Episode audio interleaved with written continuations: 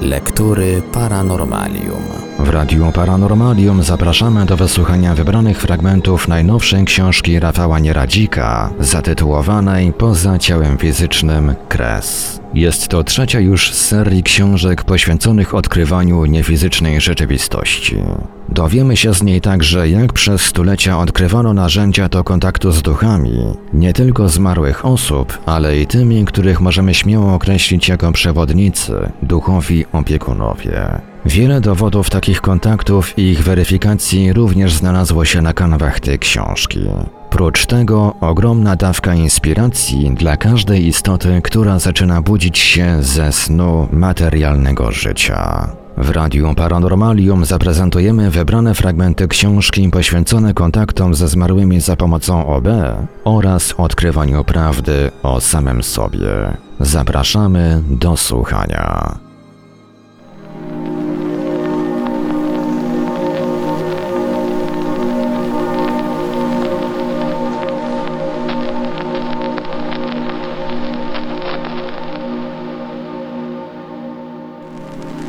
Na początek mały glosariusz pojęć pojawiających się w wybranych do dzisiejszego podcastu fragmentach.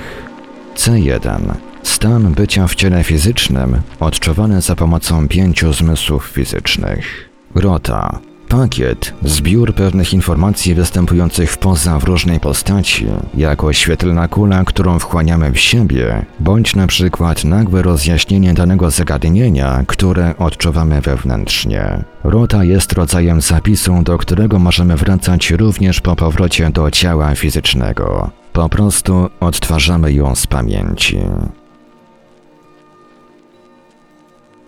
Kontakty ze zmarłymi. Fragment rozdziału trzeciego. Kontakt za pomocą OB. Po kilku latach od pierwszych doświadczeń w stanie OB zaczęły się moje wątpliwości.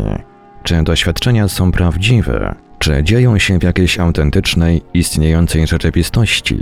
A może to chemiczne reakcje mózgu? Doprowadziło mnie to do poszukiwań. Nim postanowiłem jednak udać się na jakiś kurs czy warsztat szerzej obrazujący zagadnienie i pozbawiający owych wątpliwości, postanowiłem działać sam.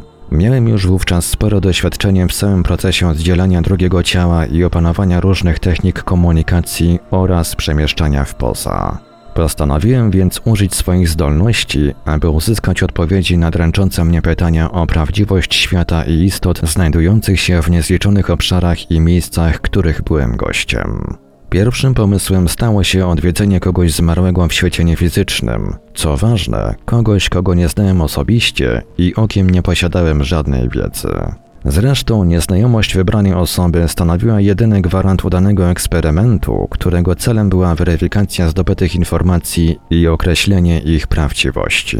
Z racji dzielenia się swoimi doświadczeniami na publicznym forum za pomocą portali społecznościowych zaczęli się do mnie zgłaszać ludzie, którzy innymi pragnęli jakichś informacji o swoich bliskich zmarłych. Jednym z takich ludzi był T, Chciał on, bym skontaktował się za pomocą OB z jego matką zmarłą kilka tygodni wcześniej.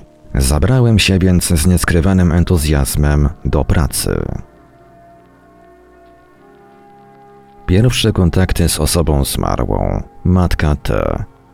Kontakt pierwszy. 2015 rok, wiosna nad ranem. Gdy tylko opuściłem fizyczne ciało, co jak zwykle wprawiło mnie w ogólną radość, uspokoiłem się oraz wypowiedziałem intencje podróży, chęć kontaktu z K. Zamknąłem się i poddałem podróży na holu.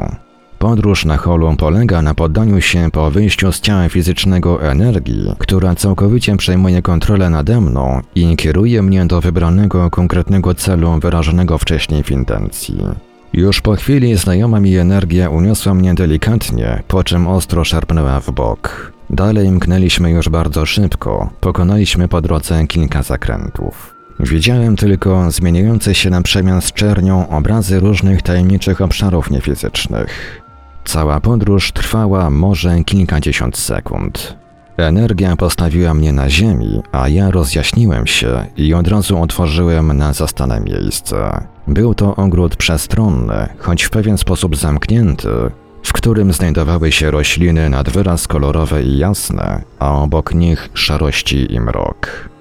W przestrzeni przede mną mieszały się promienie światła z delikatną mgłą ukazującą się gdzieniegdzie. Ruszyłem w głąb ogrodu. Nieopodal zauważyłem kobietę. Zdawała się nie do końca czysta, jakby czymś przybrudzona. Podszedłem bliżej. Zabrudzenie na jej ciele przypominało ciemną maź. Po szybkich oględzinach stwierdziłem, że największe skupisko mazi znajdowało się na głowie kobiety. Nie zastanawiałem się długo, tylko zacząłem zbliżać i oddalać swoje dłonie od siebie. Skupiałem się na przestrzeni pomiędzy nimi. Po chwili pojawiło się coś w rodzaju poświaty wokół konturów moich rąk. Zbliżyłem dłonie do głowy kobiety, by ściągnąć delikatnie lepiącą się ciemną substancję. To samo starałem się zrobić z resztą jej ciała. Zmierzałem od głowy w dół. W trakcie tego zabiegu starałem się też zadawać kobiecie pytania, jednak było coś nie tak.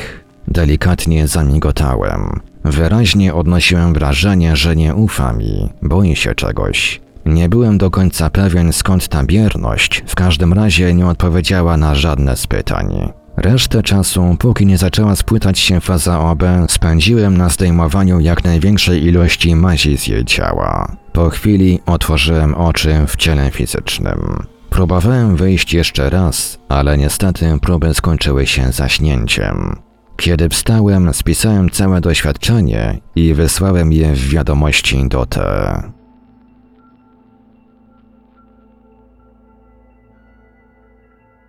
Kontakt drugi. 2015 rok, wiosna nad ranem. Po udanym wprowadzeniu się w stan martwego ciała, wydostałem się w posa. Znalazłem się w swoim pokoju, a ciało leżało na łóżku. Wyraziłem ponownie intencję kontaktu z K. Intencje podróży w przypadku kontaktu ze zmarłą osobą i jakimkolwiek innym celem niefizycznym staram się wyrażać już na kilka dni przed samą próbą OB. Powtarzam ją bezpośrednio przed próbą opuszczenia ciała oraz tuż po niej. Wydostałem się z pokoju przez okno, robiąc tak zwany test rzeczywistości, czyli wyskoczyłem z okna z nadzieją, że nic mi się nie stanie. Na zewnątrz poddałem się przemieszczeniu na hol i niemal w tej samej chwili pojawiła się znana mi tajemnicza energia podrywająca mnie w górę. Po bardzo szybkiej, zmiennokierunkowej podróży w końcu wylądowałem. W tym samym momencie energia całkowicie znikła. Zrozumiałem, że to miejsce, w którym znajdę poszukiwaną osobę. Było to jakby wejście do piwnicy jakiegoś dużego domu, bloku mieszkalnego. Na jasnych, bielonych ścianach umieszczono rury biegnące wzdłuż schodów w dół. Zszedłem i po chwili spaceru piwnicznym korytarzem zauważyłem wejście do innego pomieszczenia. Nie zamontowano w nim drzwi. Zostały tylko metalowe framugi. W pokoju było dosyć jasno jak na podziemie. Stał tu stoliczek, a wokół niego na krzesłach siedziały kobiety. Na oko to panie po pięćdziesiątce, ale z pewnością niektóre musiały mieć więcej lat. Nie były jednak staruszkami. Wyglądały dobrze, to znaczy zdrowo, uśmiechnięte i zajęte sobą. Najpierw przyszło mi na myśl, że jest to jakby spotkanie towarzyskie o charakterze rozrywkowym, bo na stole stały kieliszki wypełnione przeźroczystym płynem. Niektóre napoje miały jakiś dodatek, wisienkę czy oliwki. Jedna z kobiet o dosyć bujnej fryzurze i ni to jasnych, ni to ciemnych włosach wyraźnie mnie przyciągała. Miała lekko zaokrągloną twarz, dobrze bawiła się w towarzystwie innych kobiet. Sprawiało jej wyraźną radość.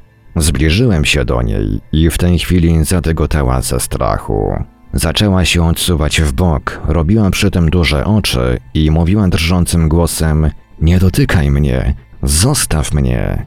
W tym momencie zacząłem jej tłumaczyć, że przysyła mnie jej syn, T. Opowiedziałem kilka rzeczy, które wcześniej przekazał mi mężczyzna. Rozjaśniła się. Ulżyło mi, że jednak nie stracę jej zupełnie i gdy tylko poczułem jej uspokojenie poparte delikatnym uśmiechem, zacząłem rozmowę. Te bardzo chciałbym się z tobą skontaktował, bym cię odnalazł. Odesłałem się. Popatrzyłem na jej twarz, coraz bardziej ciepło i przyjaźnie wyglądającą. Tak, przekazał mi. Słyszałam go. Mówił, że się pojawisz. A więc to ty. rozjaśniła się jeszcze bardziej.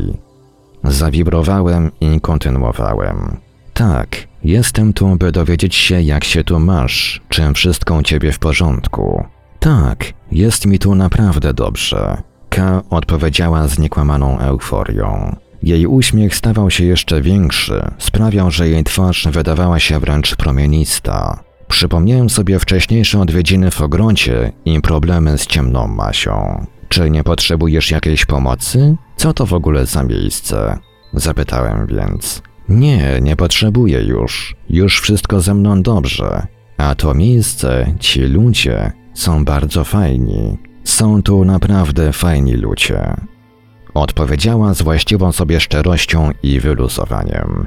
Nie czułem w niej już nawet odrobiny wcześniejszego strachu. Zacząłem więc zadawać pytania związane z celem, dla którego przybyłem.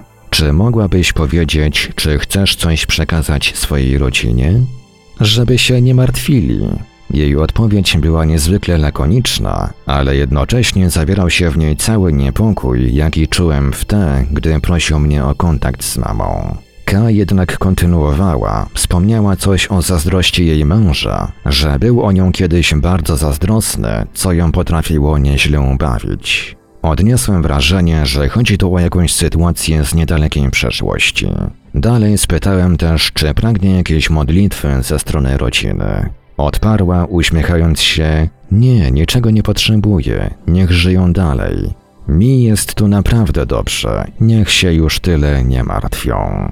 Zrozumiałem, że nie ma sensu iść tą drogą. Zdałem sobie sprawę, że jestem już dłuższy czas w poza, a mimo wszystko faza jest dosyć głęboka. Nie traciłem czasu i przeszedłem do dowodów. Powiedz mi coś, czym mógłbym potwierdzić nasze spotkanie, co wiesz tylko ty, twoja rodzina. Zaczęła coś mówić, powtarzała w kółko jedno słowo brzmiące podobnie jak golota, gołota. Mimo, że starałem się usłyszeć ją wyraźnie, zbliżałem się do jej ust, nie mogłem sprecyzować dokładnego brzmienia tego wyrazu. Potem wstała i pokazała mi ciemny punkt na swoim brzuchu w okolicy pępka. Wspomniała także, że jeden z ich kotów jest szczególnie noszony na rękach przez syna. Odczułem, że mój czas w jej świecie dobiega końca. Odwróciła się i wróciła do głośnego towarzystwa kobiet przy stoliku, a ja wróciłem do C1. Byłem bardzo podekscytowany, bo tak wiele informacji udało mi się uchwycić w pamięci z tego spotkania. Zacząłem szybko robić notatki, które także przesłałem bezpośrednio do syna panika. Kolejne, trzecie i ostatnie już spotkanie znów okazało się inne od pozostałych. Zwolna odsłaniała się przede mną dziwna prawidłowość rządząca światem zmarłych i ich zmianami świadomości, które miały, jak mniemam, przygotowywać ich do kolejnych wcieleń w świecie fizycznym.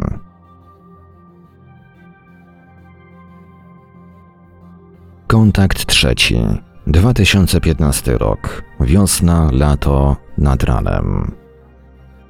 Ciało opuściłem tuż po rozbudzeniu trwającym ponad pół godziny, powrocie do łóżka i totalnej relaksacji. Zastosowałem leżenie na boku oraz technikę turlania się na bok. Intencje spotkania wyraziłem przed położeniem się do łóżka oraz tuż po opuszczeniu ciała, kiedy jeszcze znajdowałem się obok posłania, na którym leżało moje ciało. Poddałem się holowaniu od razu, aby nie tracić czasu. Poczułem szarpnięcie i lód trwający dłużej od poprzedniego. Tym razem znalazłem się na przedmieściu lub w małym mieście. Stałem na ulicy, wzdłuż której widniał biały mur, zabudowania, dalej jakieś boczne, mniejsze uliczki. Pogoda była dobra, całość niczym się nie wyróżniała. Mógłbym powiedzieć, że to bardzo spokojna okolica. Zauważyłem w pewnym momencie dwie dziewczyny, które szły nieopodal. Gdy spojrzałem na jedną z nich, od razu wyczułem, że to K, mimo że była znacznie młodsza od poprzedniej wersji siebie. Szybko do niej podszedłem. Stanąłem naprzeciw, a panie zatrzymały się i dziwnie spoglądały na mnie. Poczułem, że w zasadzie nie zwracają na mnie szczególnej uwagi. Zacząłem więc od serii pytań. Jestem Rafał, przysyła mnie te, twój syn, powiedziałem. Starałem się cały czas blokować ich drogę. Przecież już wszystko ci powiedziałam, odpowiedziała dziewczyna, nie ukrywająca swojego zniechęcenia. Stanąłem z boku i pozwoliłem im iść dalej, starałem się jednak im towarzyszyć. Zacząłem przypominać K, kim była, opowiadać o kotach, o miejscu, w którym mieszkała. Jednak coraz bardziej widoczne było na jej twarzy zdezorientowanie, jakby zupełnie nie wiedziała o czym mówię. Zdałem sobie sprawę, że to jakiś rodzaj amnezji dotyczący poprzedniego życia fizycznego. W końcu powiedziała coś na temat choroby, którą przechodziła. Dała do zrozumienia, że dowiedziała się o niej w czasie, gdy miała wyjechać, albo gdzieś już wyjechała. Gdy szła dalej, zdradziła, że to, co się z nią dzieje, ma związek z jej kolejnym wcieleniem na Ziemi. Przyjrzałem się jej dokładnie. Miała na oko może 20 lat albo i mniej. Długie, ciemne włosy, ciemne, młodzieżowe ubranie odsłaniające nogi. W końcu doszliśmy do jakiegoś budynku przypominającego dużą szopę bądź stodołę. Obok stał tam też biały dom, w którym zauważyłem dwóch mężczyzn pracujących nad czymś. Wyraźnie poczułem, że przeszkadza im moja obecność. Mężczyźni zaczęli się mną interesować i zawracać mi głowę jakimiś błahymi pytaniami. K nadal zastanawiała się nad tym, co jej powiedziałem. Odniosłem wrażenie, że stara się sobie coś przypomnieć, nawiązać do czegoś ze wspomnianych historii, ale nie potrafiła. Wypowiedziałem też jej panińskie nazwisko, ale nie przyniosło to żadnych rezultatów poza frapującym ją zamyśleniem. W tym momencie poczułem, jak przejmuje nade mną kontrolę znajoma energia. Było to dokładnie takie samo uczucie, jak wtedy, gdy poddawałem się podróży na hol. Wyjątek stanowiło to, że tym razem pojawiła się samoczynnie, bez mojej uprzedniej chęci poddania się jej. Zabrała mnie z tego miejsca, można powiedzieć, że wbrew mojej woli. Kiedy się unosiłem, zdążyłem jeszcze tylko wykrzyczeć: K! Nie! Nie! Po chwili znalazłem się w ciele fizycznym.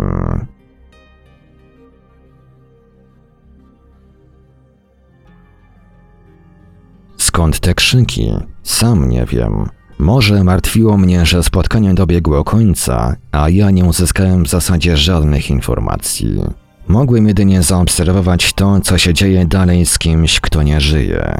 Jak okazało się później, gdy takich podróży miałem za sobą już więcej, Osoby zmarłe prędzej czy później zapominały epizody z poprzedniego życia, a niepamięć następowała niemal wprost proporcjonalnie do odmładzania ich wizerunku. Im młodsi byli, tym mniej pamiętali, albo w ogóle nie pamiętali tego, kim byli przed śmiercią. Zawsze też zmieniała się sceneria, obszar, w którym ich odnajdowałem. Od sialankowego ogrodu pełnego wyrazistych barw, dźwięków i piękna, po obszary bardzo mocno przypominające te widziane na Ziemi w rzeczywistości fizycznej. Oczywiście nie każdy zmarły był w idyllicznym ogrodzie.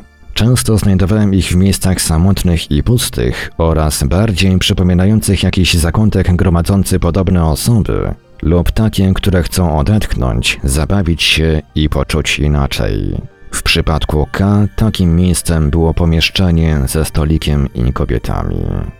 Co się jednak tyczy sprawy, przekazałem wszystkie zebrane informacje tej i cierpliwie oczekiwałem odpowiedzi.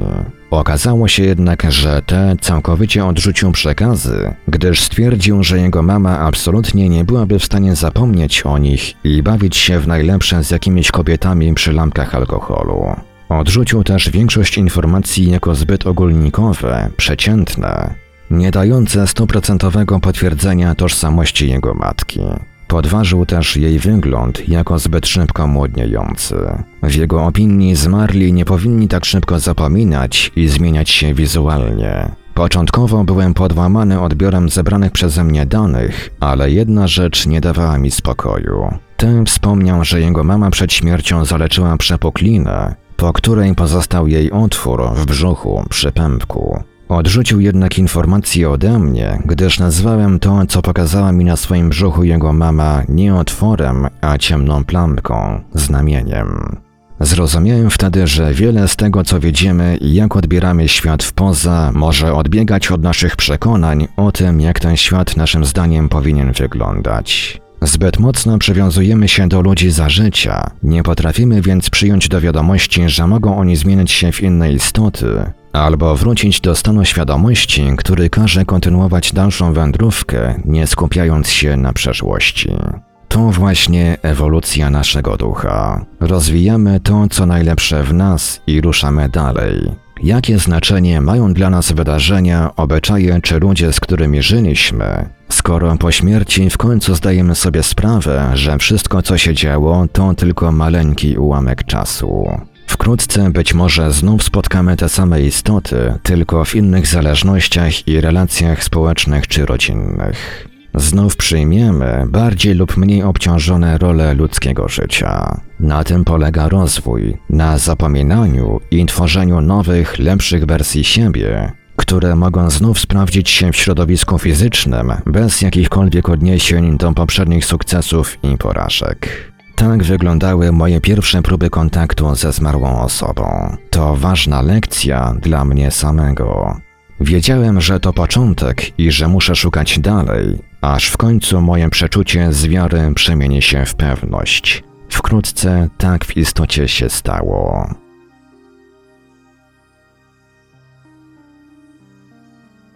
Kontakt z Aleksandrem, ojcem Ewy.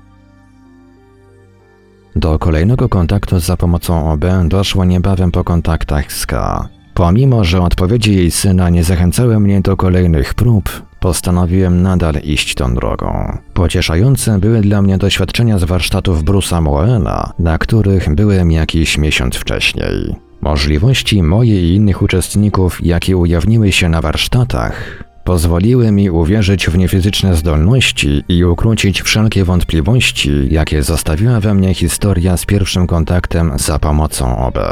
Pomimo, że nadal starałem się praktykować eksterioryzację, kiedy tylko nadarzyła się ku temu okazja, pokazana na warsztatach metoda Bruce'a Moena stała się dla mnie remedium na wszelkie frasobliwe myśli, podważające autentyczność doznań z drugiego ciała. Nie tylko potwierdziłem na zajęciach informacje zdobyte poza ciałem, zestawiłem je bezpośrednio z tymi zdobytymi przez Bruce'a, ale również zapoznałem się z nową, łatwiejszą metodą na niefizyczne eskapady oraz zacząłem skutecznie jej używać. Myślę tu o podróży mentalnej. O tym, jak wpłynęły na mnie warsztaty, Bruce i ludzie, których tam poznałem, możecie przeczytać w pierwszej książce Poza ciałem fizycznym przebudzenie. Tu natomiast przedstawię Wam historię spotkania z nieżyjącym ojcem Ewy, uczestniczki warsztatów, z którym postanowiłem dla porównania starej i nowej metody skontaktować się także poprzez obę. Był to ostatni kontakt z kimś zmarłym, którego wcześniej nie znałem, za pomocą bezpośredniego wyjścia poza ciało. W późniejszym okresie i aż do dziś wiodącym u mnie sposobem do nawiązywania tego typu kontaktów są właśnie podróże mentalne. Nie zarzuciłem jednak OB całkowicie. Nadal wykorzystuję je w kontaktach ze zmarłymi, ale tylko z osobami mi bliskimi. Pierwszy kontakt. 23 lipca 2015 roku. Wczesny ranek. Po wyrażeniu prośby o pomoc w kontakcie z A przejęła nade mną władzę znajoma energia podnosząca mnie na niewidzialnym holu. Po kilku mocnych szarpnięciach znalazłem się dosyć wysoko. Nadal ciągnięty przez tę energię zauważyłem pod sobą małe miasto. Znajdowała się tam ciekawa zabudowa, mieszały się jej style, stare z nowym. Miasto było niewielkie, z centralnym placem. Moją uwagę przykuł kamienny bądź ceglany kościół ze specyficzną wieżą. Energia zniknęła, pozostawiwszy mnie w pełni władzy nad niefizycznym ciałem. Postanowiłem przelecieć przez ten kościółek. Gdy to robiłem, poczułem, że jest w nim bardzo ciepło. W końcu wylądowałem na cmentarzu. Były tam różne groby, ale wewnętrzne odczucie sugerowało, bym skupił się na jednym z nich, najbliższym. Obok grobu rosło drzewo. Miało ciężkie, zwisające konary. Sama mogiła była zbiorowa. Postawiono tam jak gdyby dwa nagrobki obok siebie. Odniosłem silne wrażenie, że jeden z nich należy do A. Był w miarę nowy, zadbany. Ten drugi nosił już ślady starości. Na tych nagrobkach widniały też informacje o osobach pochowanych tu dawniej. Zobaczyłem najpierw dwie, potem trzy osoby przy mogile. Z jedną z nich zacząłem rozmawiać. Był to mężczyzna. Rozmowa okazała się stosunkowo długa. Niestety nie udało mi się zapamiętać z niej wszystkich informacji, jedynie niektóre, ale dotyczące osobowości A. Mężczyzna opowiadał mi, że A był bardzo pracowity, a przy tym posiadał cechę uczciwości. Ogólnie w tej społeczności miał opinię dobrego człowieka. W trakcie rozmowy pojawił się obraz, na którym A był ubrany w mundur, który nie przypominał mi ani wojskowego, ani policyjnego. Krój wydawał się inny, niepasujący do znanych mi wzorów. Miał jednak pewne charakterystyczne cechy, jakieś symbole, ciemny kolor, jakby należał do którejś charakterystycznej grupy zawodowej. Zapytałem mężczyznę o szczegóły, które Ewa mogłaby potwierdzić po moim powrocie do ciała. Usłyszałem w odpowiedzi dosyć wyraźnie: Zapytaj o siostrę. Dodał jeszcze coś o jakichś występach publicznych. Kogo miały dotyczyć? Czy tej siostry, czy samej Ewy? Nie do końca zrozumiałem te informacje po powrocie do ciała. Jeżeli miałbym opisać wygląd mojego rozmówcy, to miał ciemny kolor włosów i wąs w starym stylu. Poczułem, że to już czas na powrót. Wróciłem więc i ocknąłem się w C1 w swoim ciele fizycznym.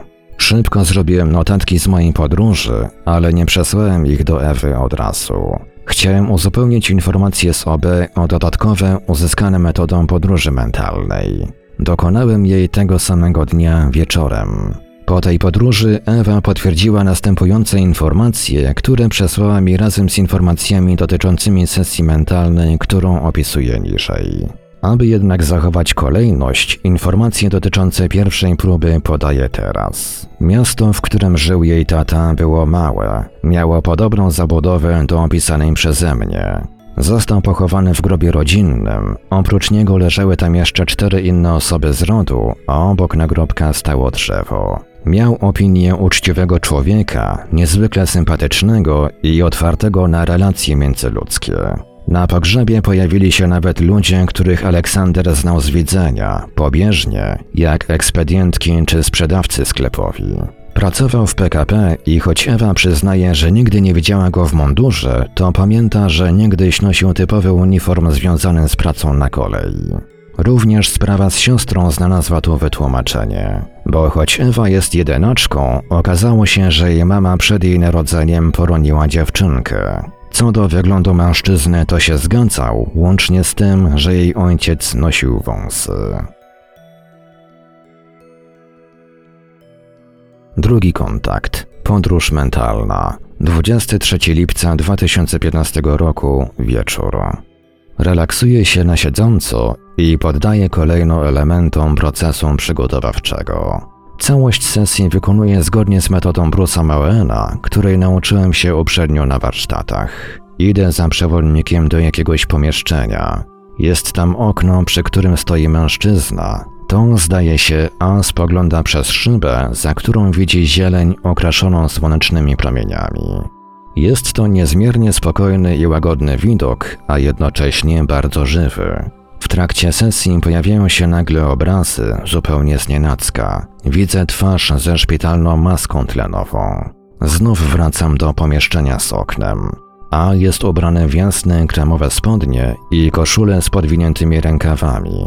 Ma około 40 lat. Sprawia wrażenie zadbanego mężczyzny średniego wzrostu. Ręce trzyma na biodrach. Wtem pojawia się podłużny hol, jak przedpokój, Wcześniej widzę jakieś meble, puf czy krzesło. Potem stolik z lampką z abażurem w jasnym kolorze. Rozpoczynam konwersację. Witaj. A odwraca głowę w moim kierunku i zaskoczony pyta: Kim jesteś? Jestem Rafał, przyszedłem cię odwiedzić. Czy możesz mi powiedzieć, co u ciebie? Całkiem w porządku. Żyję sobie w tym miejscu. Jest aż nadto spokojnie. Przydałoby się coś zrobić. Uśmiecha się, pokazując przy tym, że czuje się już ze mną bardziej swobodnie. Jestem znajomym twojej córki z twojego ostatniego życia na ziemi. Kontynuuje rozmowę. Ewa, moja kochana córeczka. A pochylił głowę w zamyśleniu. Odczuwam w nim chwilową nostalgię za niedawnym życiem. W tym momencie pojawił się obraz ludzkich organów, ciemnych, płuc albo wątroby. Widzę też grymas cierpienia na jego twarzy, coś sprawia mu ból. Rozumiem, że obszar, w którym znajdują się ten pokój, hol i okno, to rodzaj centrum rehabilitacji, lub obraz, który ma mi pokazać, że jakąś część życia, najprawdopodobniej końcową, A spędził w tego typu przybytku medycznym. Obraz szybko znikł, a on mówił dalej: Jestem tu, aby przygotować się do kolejnego wcielenia na Ziemi. Czemu właśnie w miejscu takim jak ten pokój? Pytam z zaciekawieniem. Nie wiem, po prostu lubię wygodę. Wtem pojawia się liczba, zdaje się, że to data 1946 rok. Chyba chodzi o datę urodzenia. Potem obraz małego miasteczka. Czuję, że A przebywał w nim za życia. Znów widzę go w wieku około 40-45 lat. Słyszę też jego głos. Byłem wtedy takim rozsądnym człowiekiem.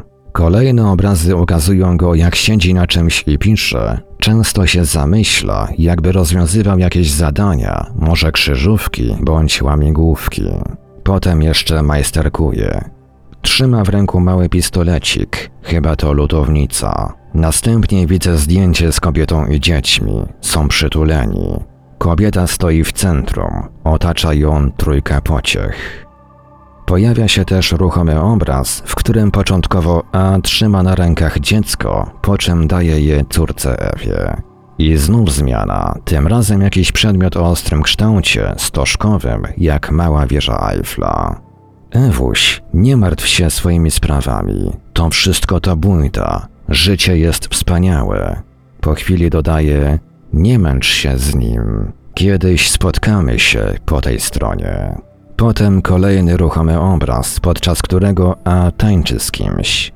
To jakiś spokojny taniec, ale widzę, że wiele daje mu radości.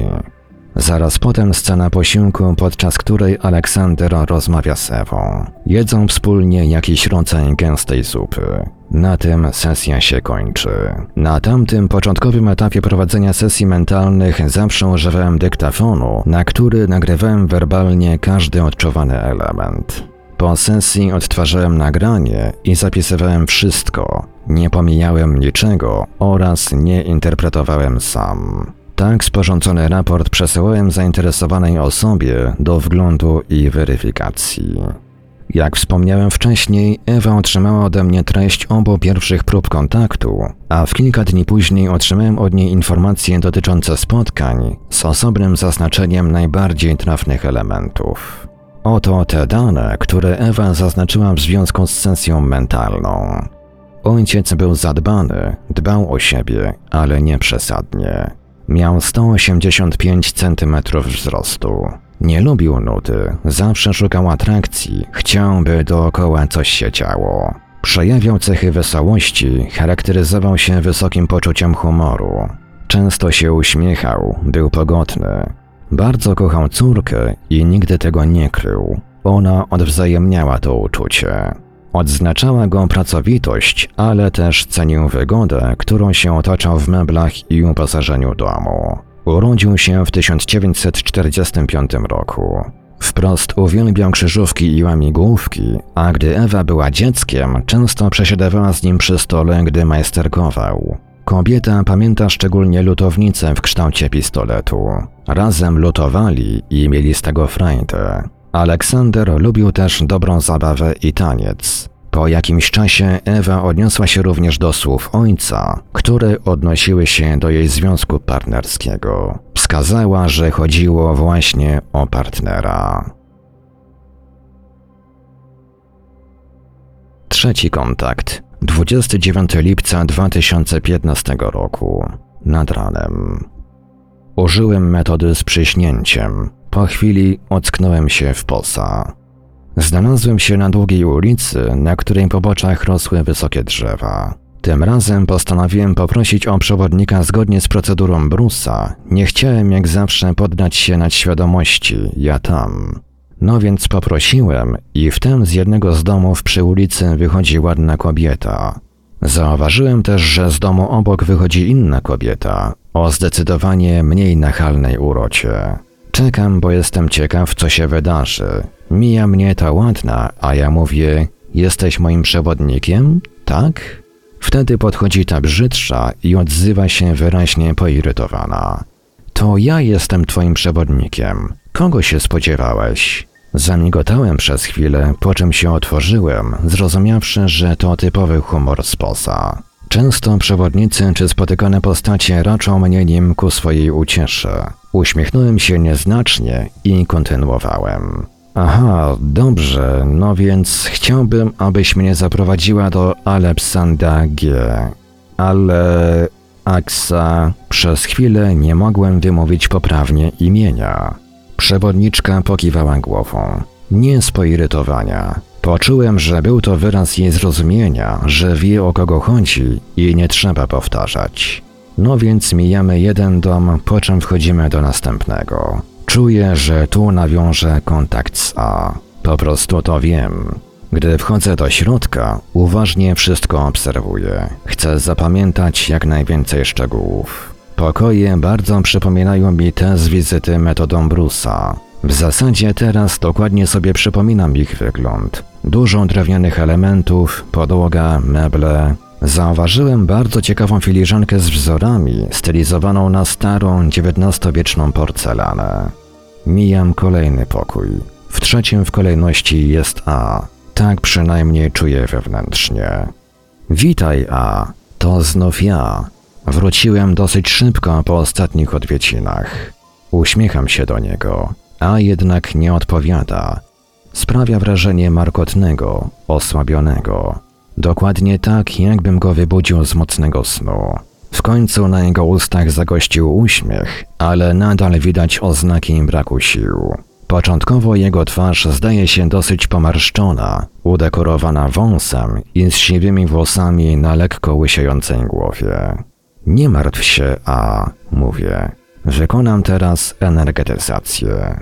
W tym samym momencie wyciągam dłonie ku niemu. Jak się okazuje, przewodnik robi dokładnie to samo. Najpierw czuję, jak fale energii jedna po drugiej wpływają przez dłonie we mnie, jakbym ją gromadził. Potem zacząłem muskać nią Aleksandra. Przewodnik nadal mi pomagał poprzez wykonywanie tej samej czynności. Po chwili zacząłem dostrzegać zmiany. Początkowo przeobrażała się twarz A. Nabierała kolorytu, życia. On sam zbliżał się do nas, ocierał o nasze dłonie, aż w końcu się w nie wtulił. Jak kot, który pragnie pieszczot, głaskania. Napełnianie energią A nadal trwało. Zwróciłem wtedy raz jeszcze uwagę na wystrój wnętrza, na przedmioty znajdujące się w pokoju. Szczególnie zainteresowała mnie książka stojąca na regale. Jej okładkę utrzymano w niebieskich odcieniach. Był na niej jakby podróżniczy motyw. Wyspiarski, karaibski, motyw tropikalnej wyspy, palm, plaży. Odczytałem też znajdujące się na niej litery. Majka. Wtedy wróciłem do A. Ku mojemu zaskoczeniu był teraz dzieckiem, może rocznym niemowlakiem. Oczywiście to nie zmieniało faktu, że poza wyglądem zachowywał się zupełnie jak dorosła osoba. Aleksandrze, jak się miewasz? Otworzyłem się. Dobrze, jak widzisz, czekają mnie zmiany. Miał już zdecydowanie więcej siły. Jego głos brzmiał w sposób zdecydowany i pewny. Aleksandrze, powiedz mi coś, o czym będzie wiedziała tylko Ewa. Tylko Ewa i ty. Zdradź mi coś takiego. Aleksandr się namyślił i szepnął: Tylko ty i Ewa się ze mną kontaktujecie. Nikt, tylko wy. Tak, ale to oczywiste, zamigotałem. Chciałem dowiedzieć się czegoś więcej, czegoś ważnego. Aleksandrze, przecież to nie jest żadna tajemnica. To akurat może się nie przydać. Zdradź mi coś innego. Wtedy Aleksander pochylił się i wyjątkowo cicho zaczął szeptać mi do ucha: Są trzy kuzynki. Bożena, Marta, Marzena. Co mówisz? Nie słyszę, powiedz jeszcze raz. Co ciekawe, zauważyłem, że A nie chce, aby ta informacja została usłyszana przez przewodnika. Nie przejmuj się przewodnikiem. On jest swój. Możesz mówić głośniej? Ewa ma trzy kuzynki. Co mówiłeś na końcu? Marzena? Trzy kuzynki. Bożena, Marta, Marzena. Marzena? Chodzi o Marzenę? Naprawdę nie potrafiłem wyraźnie dosłyszeć ostatniego słowa. A sprawiał wrażenie niezadowolonego. Przynajmniej tak wnioskowałem po jego minie. Poczułem, że coś jest nie tak. Nie do końca pewien ostatniego słowa, które usłyszałem, powróciłem do ciała fizycznego. Ta wizyta była jedną z dłuższych. Dostrzegłem mnóstwo szczegółów, a moje dostrojenie nie słabło mimo upływu czasu. Przesłałem jeszcze raz informację Ewie. Po pewnym czasie otrzymałem od niej odpowiedź, jednak odniosłem wrażenie, że sprawy osobiste, którymi była wówczas zaabsorbowana, nie pozwoliły jej na konkretną interpretację. Zgadzał się wystrój pokoi, wygląd ojca, ale Ewa nie mogła przypomnieć sobie wskazanej książki i imion kusynek. Wspomniała tylko, że na warsztatach Brusa poznała pewną Marzenę, która podczas jednej z sesji niefizycznych podróży otrzymała przekaz, jakoby duchy Ewy i jej były ze sobą spokrewnione. Wtedy także Ewa podsumowała słowa ojca z przekazu mentalnego. Tak zakończyły się moje próby kontaktu z ojcem Ewy. Z osobami zmarłymi spotkałem się jeszcze kilka razy podczas moich podróży poza ciałem metodą OB. Byli to jednak członkowie mojej ziemskiej rodziny, dwóch wujków i dziadek. Za każdym razem miejsce spotkań okazywało się inne. Sprawiło mimo wszystko wrażenie jakiegoś połączenia z osobami przebywającymi w eksplorowanych obszarach.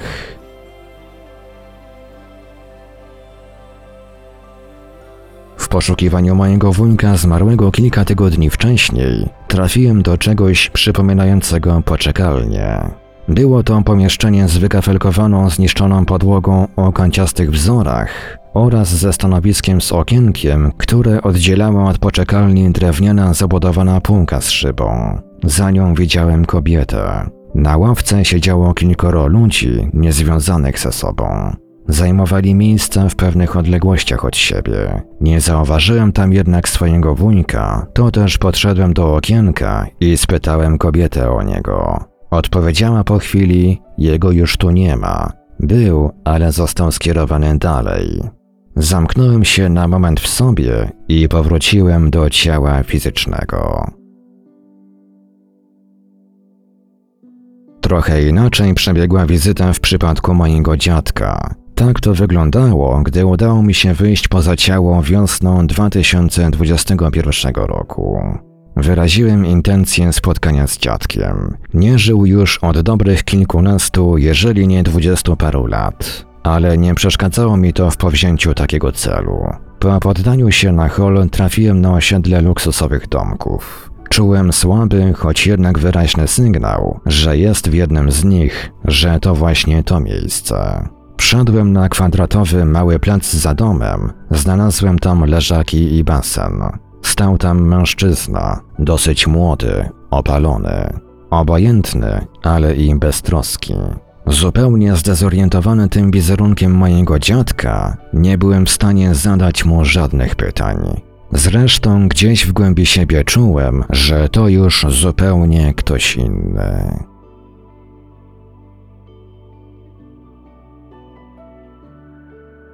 Konkluzje wynikające z prób kontaktu z osobą zmarłą.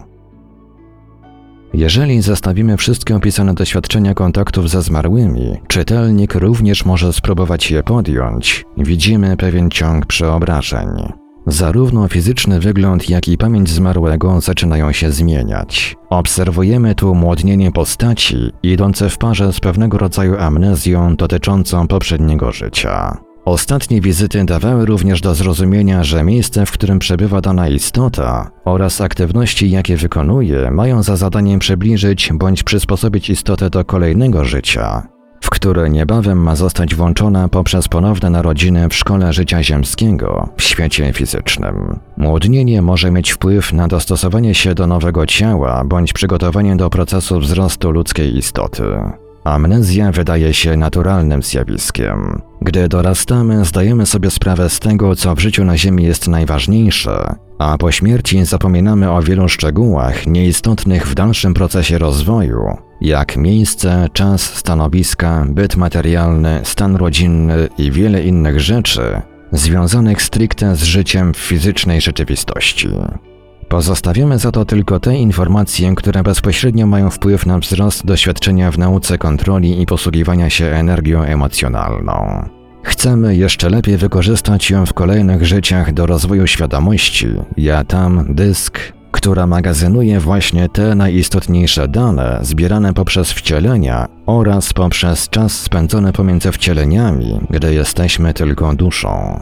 Nie chcę tutaj wychodzić naprzód, wspomnę tylko, że dzięki doświadczeniom własnym i innych podróżników niefizycznych zrozumiałem, że te najistotniejsze informacje zbierane przez nasze ja tam służą m.in. do tworzenia nowych, kolejnych, unikalnych osobowości, którymi stajemy się w życiach następujących po sobie. Umożliwiają nam one na przykład osiągnięcie jakiegoś celu w danym życiu, zdobywanie określonych doświadczeń, bądź pozwalają nam wpływać na rozwój wypadków w historii świata. A więc pula tych danych jest niezwykle istotna w procesie zmian całej ludzkiej świadomości na Ziemi. Im więcej doświadczeń w zbiorach ja tam wcielających się dusz, tym łatwiej i szybciej zachodzić mogą zmiany w fizycznej rzeczywistości. Ewolucyjne zmiany zbliżające nas do prawdziwego celu istnienia zrozumienia i stania się częścią najwyższej formy energii zwanej miłością.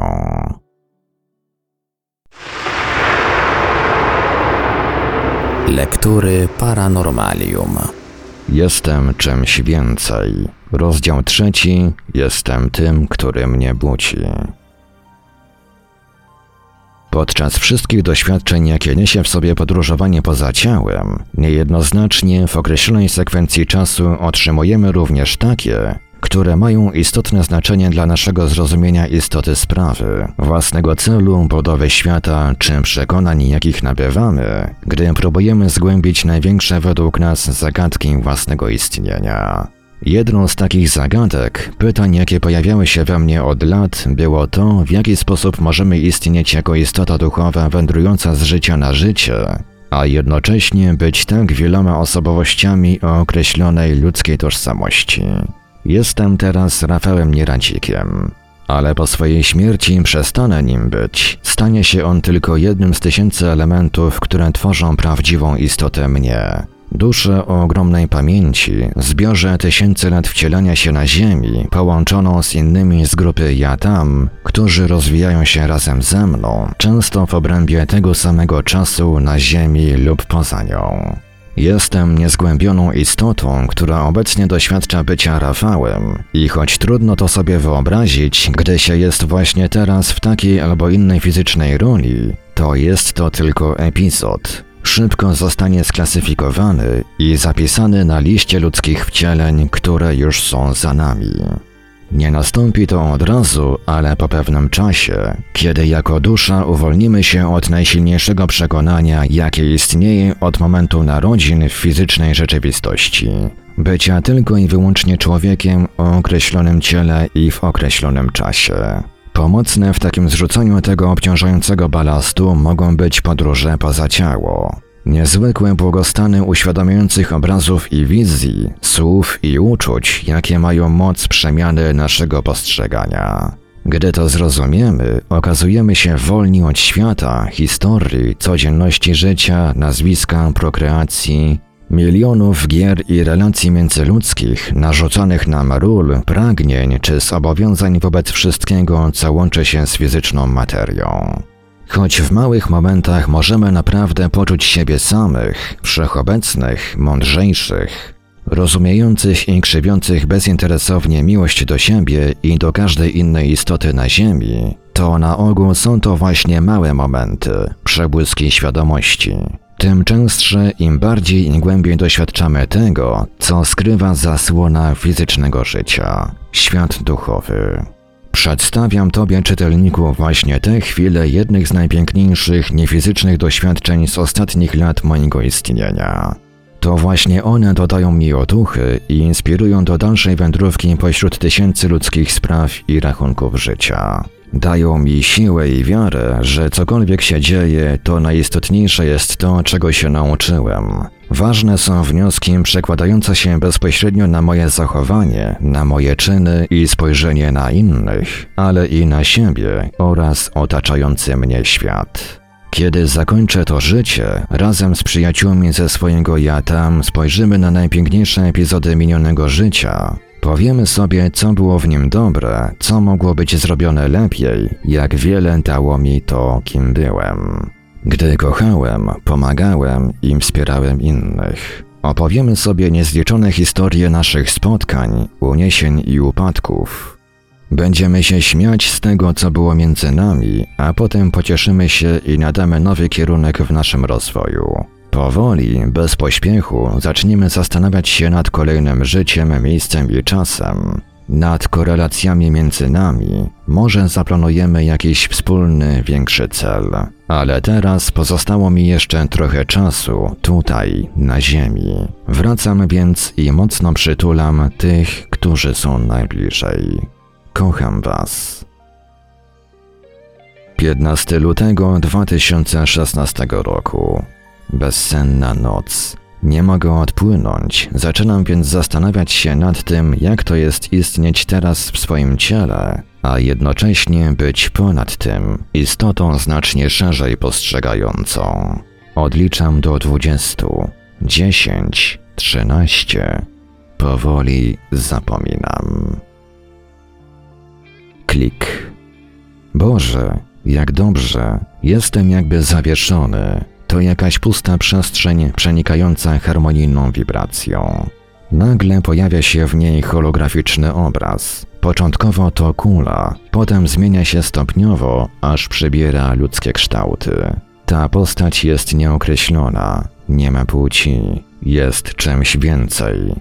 Nagle wstępuje w to coś. To zarodek czegoś materialnego, ludzkie ciało, Tożsamość kształtuje się, nakłada nowy wzór, ale też i rozwija ten istniejący w nim. Jak DNA, które jest fundamentem, na którym mogą formować się wgrane wcześniej programy, żyć własnym życiem, czasem wyprzedzać, a nawet zbaczać z zamierzonego kursu. Wcielenie człowieka. Ta istota jest teraz nim, tą osobą. Potem kończy, wyskakuje z niego. Coś zostało w niej. Teraz widzę, jak wstępuje w grono innych. Nie tylko jest z nimi, ale przenika się z nimi, z gronem. Każdy może wpływać w każdego, następuje wymiana myśli, energii, doświadczeń. Grupa stanowi zbiorowość odrębnych, a jednocześnie tożsamych istot. Zawiera w sobie wszystkie wcielenia, ale są one jak wspomnienia, nie są istotą. To jak myśli, kolejne strony książki, które z osobna nie posiadają twardych okładek, tytułów, są tylko epizodami. Każda jednak dodaje coś, dzięki nim książka jest grubsza, zyskuje treść. Wszystkie są odrębne, ale stanowią jedną istotę. Klik. Teraz jestem obserwatorem siebie. To ja, Rafał. Opuszczam ciało, to chyba moja śmierć. Odrywam się po raz ostatni, zachowuję jednak swój indywidualny kształt i wygląd. Obok stoi coś większego, to obserwuje mnie. Jest jak ja w tej przestrzeni, obserwatorem. Ale ta istota ma wpływ na Rafała poprzez emocje, intuicje, uczucia. Niemal wszystko, co pojawia się w Rafale, jest zapoczątkowane w tej istocie. W końcu Rafał zanika, ale pozostaje jego doświadczenie. Ono buduje tę obserwującą istotę. Nastąpiło całkowite zjednoczenie. Istota może przebierać postać Rafała, tak jak może przebierać postać niezliczonych innych osób, którymi była. To niesamowite uczucie, wiem, że jestem teraz nim. Zdaję sobie sprawę, że ta większa istota jest ze mną, wspiera mnie, jest mną. Może być mną. Jestem nią, ale teraz odbieram tylko śladowe ilości jej danych. Po śmierci nastąpi pełniejsze połączenie. Tak, chcę tego, ale jeszcze nie teraz. Sygnał jest wyraźny. Teraz jeszcze nie. Wracam do C1. Otwieram oczy. Stało się to dla mnie tak sensowne, tak jasne, Bycie kimś więcej niż tylko tym, czym jestem w obecnym życiu. Kolejny dzień za oknem zwiastuje nowe doświadczenia. Życie płynie, a ja w wieczności. 5 sierpnia 2018 roku. ciepły wieczór, pozycja na wznak. Rozluźnienie ciała następuje normalnie, wspomagam się dźwiękami chemisync. Bardzo realny obraz, w który wchodzę. Pojawia się przewodnik, istota o męskim wyglądzie. Prowadzi mnie ścieżką przez las. Potem wstępujemy do jaskini, na końcu której wskazuje mi drzwi. Zwolna obraz przestaje być tylko widmem, ale przeobraża się w otaczającą mnie rzeczywistość. Stoję przed drzwiami, wibruję. Za nimi odzyskasz cień swojej pamięci. Głos delikatny jak śpiew przewodnika rozbrzmiewa we mnie, zlewa się z moją duchową powłoką. Drzwi otwierają się, a ciepłe żółto-białe światło za nimi momentalnie ogarnia mnie, zupełnie jak w ciepły letni dzień obrzasku. Kolory słońca zmieniają się płynnie, przenikają się wzajemnie w niezliczonych układach świetlnych punktów. To światło i niesiona w nim przyjazna energia będą mi towarzyszyć już do końca tej podróży za drzwiami. Po przejściu przez próg z prawej strony dostrzegam postać klęczącą na podłożu. Przypomina żebraka w obdartym ubraniu albo sponiewieranego hipisa. Ma długą, zaniedbaną brodę i włosy. Wznosi głowę i spogląda na mnie. Uśmiecha się. Jest bardzo otwarty. Zupełnie nie przejmuje się swym materialnym położeniem. Wskazuje mi ręką dalszy kierunek. Idę więc, zupełnie poddaję się temu, co będzie się działo. Kolejna postać, jaką spotykam, okazuje się większa ode mnie. Stoi, a raczej wisi, zawieszona w przestrzeni. Nie ma wyraźnego wizerunku, jest wypełniona światłem, przez które trudno określić, gdzie znajduje się początek jej powłoki. Mimowolnie, wskutek silnej wewnętrznej potrzeby, przytulam się do niej, wtapiam w nią. Jest taka ciepła i przyjemna, jak stokroć tego, co czujemy, gdy wtulamy się w ciało ukochanej bądź ukochanego. Po chwili odklejam się i patrzę na jej świetlistą głowę. Idź dalej. To nie jeden głos, ale kilka, które rozbrzmiewają w przestrzeni. Idź dalej, powtarza się jak echo. To, co zaczynam odczuwać, to rodzaj odłączenia od świata pozostawionego za sobą, na zewnątrz. Nie czuję żadnych zmartwień, żadnych przywiązań, żadnej chęci powrotu. Jakby wszystko, co istniało przedtem, nie miało dla mnie większego znaczenia. Nawet czas zaciera się w tej nowej rzeczywistości tak wyraźnie, że zaczynam zapominać o jego istnieniu. Nie ma go, nie istnieją czas, miejsce, osobowość. Jest tylko energia, jej przepływ, natężenie, doświadczenie światła. W wiecznej chwili ruch jest mimowolny, ciągle płynę jak w nurcie powolnego strumienia, w górę lub w przód. Odnoszę wrażenie, a może to jakiś zewnętrzny sygnał, że zbliżam się do kresu, niemal rozciągnięty w tej świetlistej przestrzeni. Mogę dotknąć krańca, kuli, z której wydobywa się całe to królestwo świateł i ciepłych barw. To jak małe słońce, gwiazda, która mieni się, pulsuje, żyje, istnieje. Och, jak niesamowita jest jej emanacja. Przeciekam zupełnie. Odpowiedz mi na wszystko, na ciążące pytania, sprawy, istnienie, moje, nasze, istotę i cel. Trudno mi cokolwiek zrobić. Nie potrafię pod wpływem tej energii przenikającej do granic zmysłowych receptorów skupić się na tyle, by zrealizować to, po co tu przybyłem. Czy była taka przyczyna? Pojawiają się przebłyski wyuczonej skromności, pokory. Za bardzo oczekuję odpowiedzi, szepczą gdzieś moje myśli. I nagle klik Widzę siebie przemawiającego jak nauczyciel, jak przewodnik, ktoś jak guru. W prostych szatach, z włosami do ramion, brodą, uśmiechnięty uczę o tym, że śmierć jest niczym, nie istnieje strach przed śmiercią. Sama śmierć nie istnieje. Słowa ucieleśniają się od razu w postaci sceny, w której ktoś przykłada mi pistolet do głowy, ja łapię go w dłoń i jeszcze bardziej dociskam do swojego czoła. Uśmiecham się i z życzliwością spoglądam na swego oprawcę. Nie boję się tego, co nastąpi, jestem całkowicie pogodzony z konsekwencjami śmierci. Bo czy są jakiekolwiek? Klik. Znów jestem przed cudowną kulą, gwiazdą, istotą niepojętą, rozpościerającą promienie łaskawej energii we wszystkich kierunkach. Pojawia się informacja, odbieram ją w sobie w postaci dźwięku. Ale jest coś jeszcze. Każde słowo niesie w sobie cząstkę emocji, uczuć, energii, która dodatkowo trafia do mnie, powoduje jeszcze większe zrozumienie. Nie martw się niczym, nie przejmuj się niczym. Idź drogą, jaką idziesz. Nie przejmuj się, nie martw się. To jak tło pieśni chóru aniołów. Jest takie spokojne, tak łagodzi wszystko, co budzi we mnie niepokój. Gdy idziemy ścieżką własnego wyboru, prawdziwego wyboru, zamartwianie się jest niepotrzebne w niczym. Klik.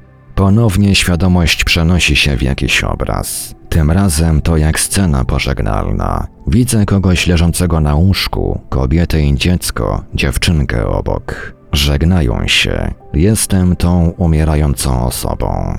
Jeszcze kilka chwil, godzin i odejdę ze świata, z życia. Zostawię ich samych. Ale to nie jest straszne. To nie niesie w sobie czegoś złego, okropnego, samolubnego. To droga, jaką podążamy wszyscy. Mówię do kobiety: spokojnie, już dobrze. Spotkamy się niebawem. Będę czekał w nieskończoności, wtedy zabiorę cię do niebieskiego domu.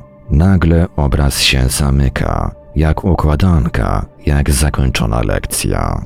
Lekcje. Może to moja przeszłość bądź przyszłość. Słyszę świst.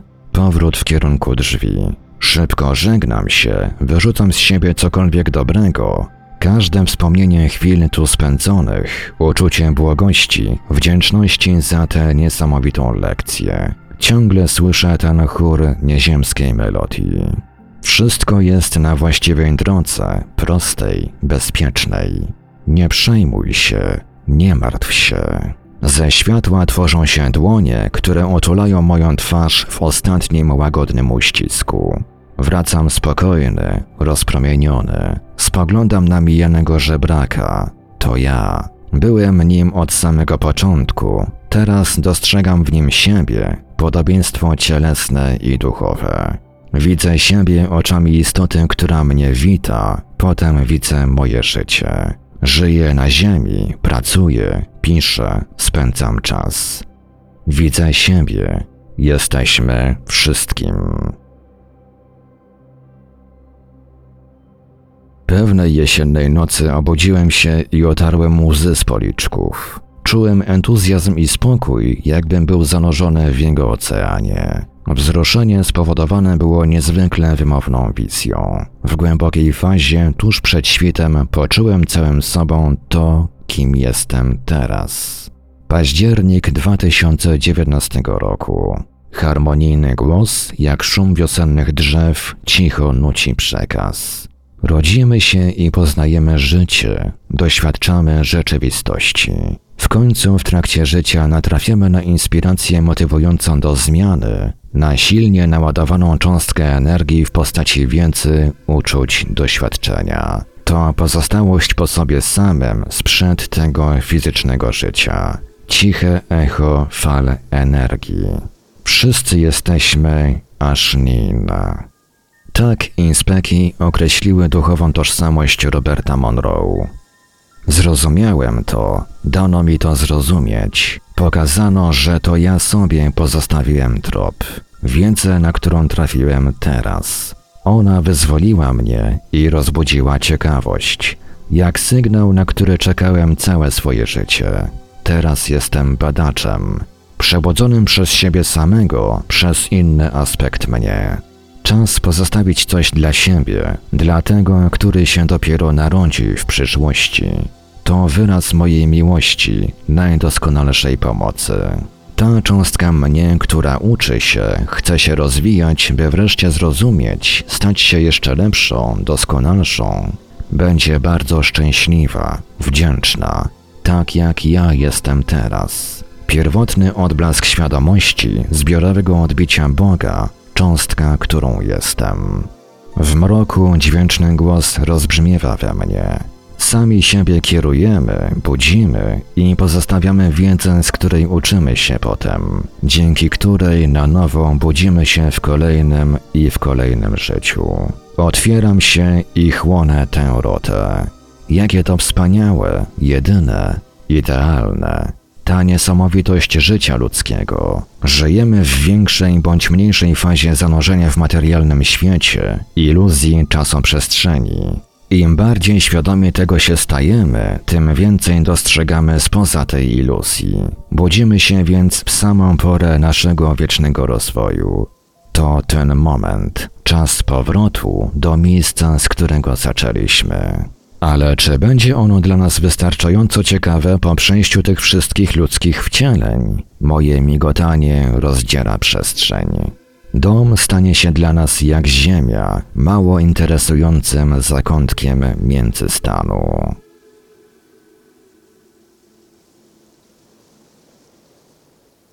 Patrzę na siebie z teraz i później, patrzę na ludzi dookoła mnie, bliskich i dalekich, na świat. Dla jednych to dom, dla innych tylko złudzenie. Cokolwiek jest, było i będzie, w końcu przyjdzie ten moment, poczujesz to, że oto czas ruszyć dalej. Dalej, śmiałku. Ty, ty i ty. Każdy z nas obudzi się prędzej czy później. Wtedy pomożemy sobie razem, w jedności. Staniemy się źródłem, wszechrzeczą, wspólnym ja tam. I ruszymy badać i odkrywać nowe, piękne światy. No więc dalej. Ty i ty i ty. Nie bój się. To ten moment.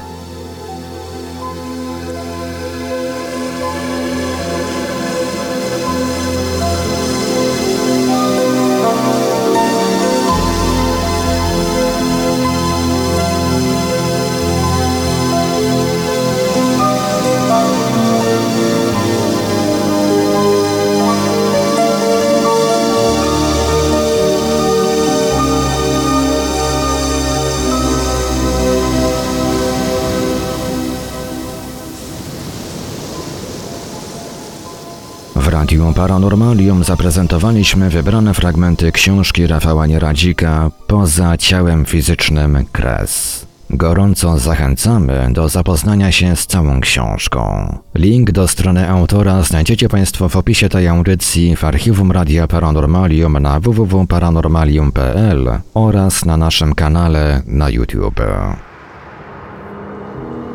Archiwalne odcinki Lektur Paranormalium znajdziesz do pobrania w archiwum naszego radia na stronie www.paranormalium.pl